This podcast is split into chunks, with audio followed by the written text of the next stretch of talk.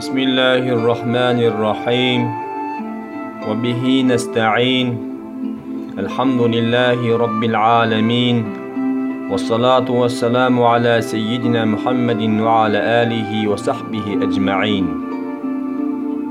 Ey бауырым, менен насихат тыңдағың келеді екен. Олай болса, сен әскери адам болғандықтан, әскери мысалдама мен баяндалған бірнеше ақиқатты шағын 8 хикая арқылы нәпсіммен бірге тыңда. Өйткені, мұндай насихатқа өзімді әлде қайда мұқтаж сезінемін. Кезінде қасиетті Құранның 8 аятын пайдаланып, 8 сөзді нәпсіме баяндаған едім. Енді сол сөздерді қысқаша және қарапайым тілмен нәпсіме айтайын. Қалаған кісі нәпсіммен бірге тыңдасын.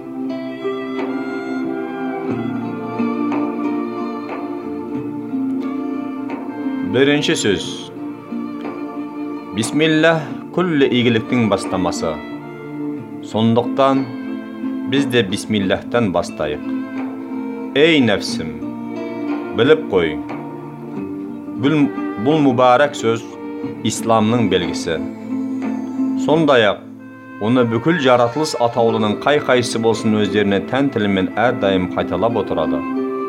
Бисмиллахтың қажымас қайрат, қайнары сарқылмас бере- береке екенін білгің келсе, мына бір шағын хикаяға назар аудар, құлақ сал.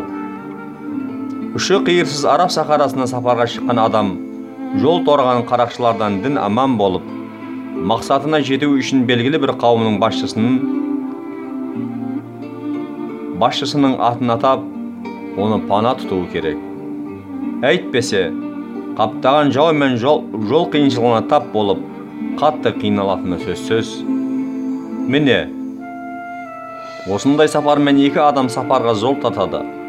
Олардың біреуі кішіпейіл, екіншісі тәкаппар болатын. Кішіпейілі белгілі бір басшыны паналады, ал тәкаппар болса, оны қажетсінбеді. Кішіпейіл кісі барлық жерде аман есен жүрді. Жолда қарақшыларға жолықса, мен пәлен деген басшының атын атынан жүрмін, дейді. Қарақшылар тиіспей жөніне кете береді. Сондай-ақ, жолай кездескен ауылдарға ат басын бұра қалса, әлгі басшының беделі арқасында құрметке бөленеді.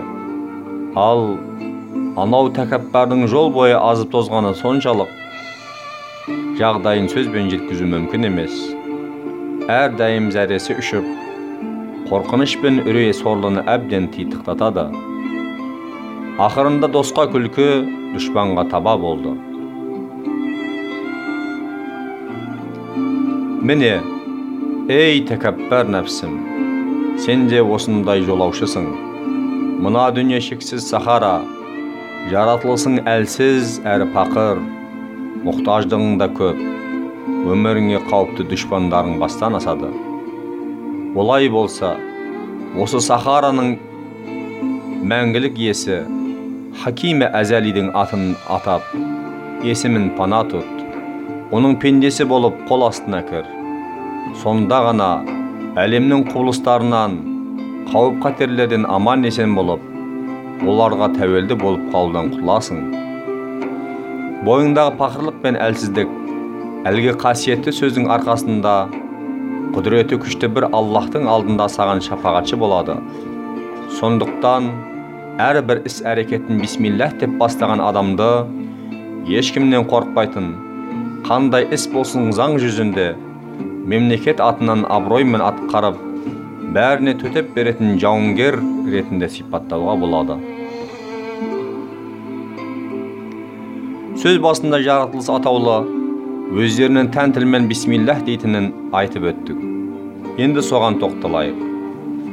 Мәселен, әлде бір адам қала тұрғандарын, қала тұрғындарын жаппай бір өзі бір жерге мәжбүрлеп жинап, жұмысқа жеккенін көрсеңіз, оның бұл істі өз бетімен, өз күшімен емес, бір патшаның құдіретіне арқа сүйеп, мемлекет атынан әрекет етіп жүргенін түсінесің. Сол секілді барлық іс Хақ Тағаланың атымен атқарылады.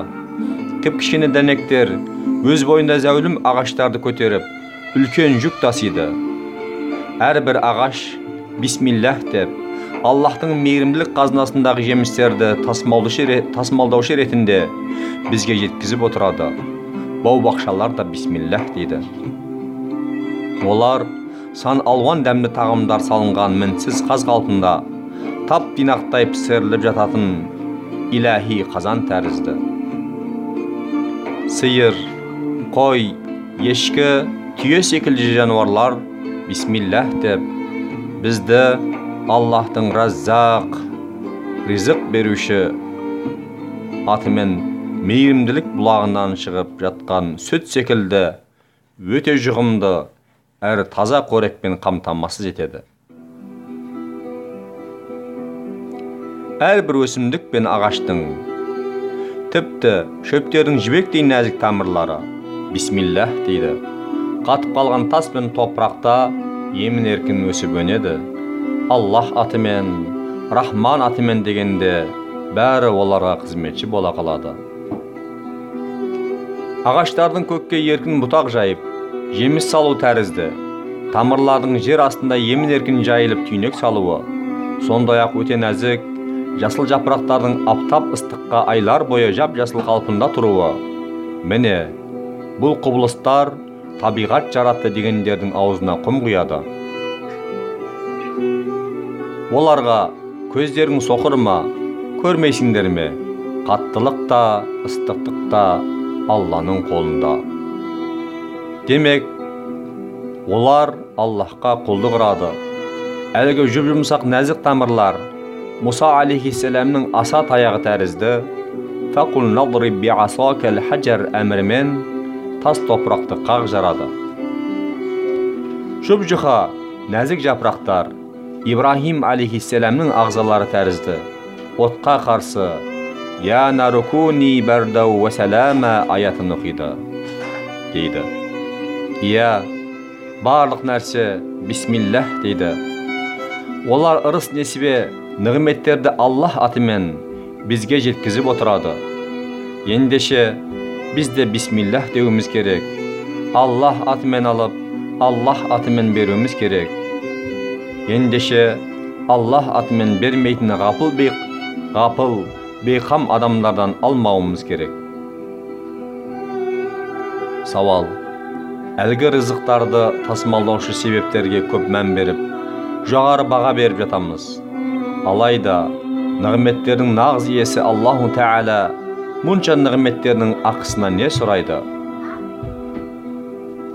Жауап иә нағыз жарылқаушы қамқоршы мейірімі мол аллах тағала осы құнды нығметтер үшін бізден қалайтыны үш ақ нәрсе. Біріншісі зікір екіншісі шүкір үшіншісі пікір әрбір іскерге әрбір іске кірісерде бисмиллах айту зікір. Соңында әлхамдулиллах деу шүкір.